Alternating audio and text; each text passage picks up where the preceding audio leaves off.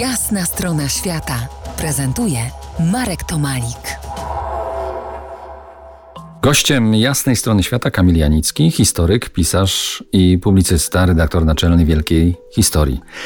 Natknąłem się na opisy historyczne, że średniowieczne szlaki budowały lub pomagały budować, a przynajmniej wskazywać kierunki tyczenia takich szlaków istoty nadprzyrodzone, na przykład anioły. To mocno potem wchodziło w legendy. Słyszałeś o tym? To, to jest taka podstawowa kwestia. Zupełnie inaczej postrzegano tą strefę nadprzyrodzoną w czasach średniowiecza. Wtedy ona się wydawała niezwykle namacalna, niezwykle bliska. Było typowe, że na przykład władcy gromadzili dziesiątki czy nawet setki relikwii świętych. Mieliśmy na przykład polską księżną Salomę z Bergu, która się chwaliła, że ma yy, i, mleko yy, Marii Panny i zęby kilkunastu różnych świętych i tak dalej, i tak dalej. Często na przykład takie relikwie zabierano w podróż jako rodzaj amuletu ochronnego ale też gdy wybierano konkretną trasę podróży, zdawano się na to pośrednictwo boskie. Wierzono, że te znaki są całkowicie prawdziwe i namacalne, że cuda są czymś, co zdarza się w życiu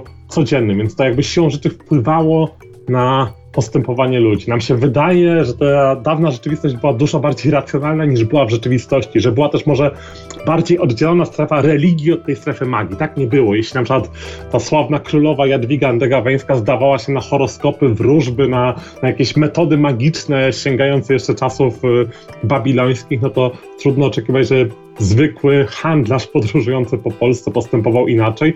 Natomiast chyba jednak mimo wszystko najważniejsza była praktyka tych szlaków. Trudno jest znaleźć w Polsce szlaki, które przebiegały w sposób nielogiczny, które przebiegały jakąś wyjątkowo okrężną drogą, omijały jakieś tereny, y, które pozwalałyby skrócić i ułatwić trasę. Więc y, mimo wszystko zawsze na przestrzeni wieków y, decydowano się na to, co było najwygodniejsze. I może kluczowa rzecz, te trasy były bardzo, bardzo trwałe. Często szlaki w takich liniach, jakie zaczęły powstawać tysiąc lat temu, funkcjonują do dzisiaj, tylko już dzisiaj są prawdziwymi autostradami czy drogami ekspresowymi.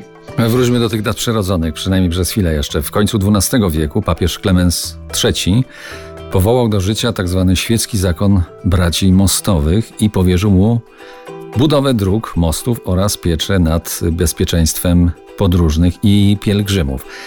Czy w taki sposób powstał słynny most w Awinionie?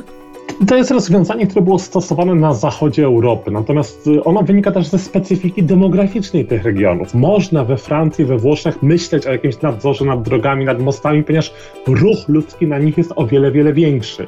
Jednak to jest ogółem kluczowy problem średniowiecznych Niemiec czy średniowiecznej Francji przeludnienie, gdzie no, do Polski przecież y, zmierza kolonizacja ludności niemieckiej obliczana nawet na y, kilkaset tysięcy osób, więc y, inaczej tam się podchodzi do transportu. Te, te rozwiązania w Polsce nie są stosowane, nie znamy takich, takich rozwiązań. Jeśli utrzymuje się mosty, no to to jest zadanie władz lokalnych. Do mostów, do siatki dróg w średniowieczu, do podróży traktami powrócimy za kilkanaście minut. To jest jasna strona świata w RMS Classic.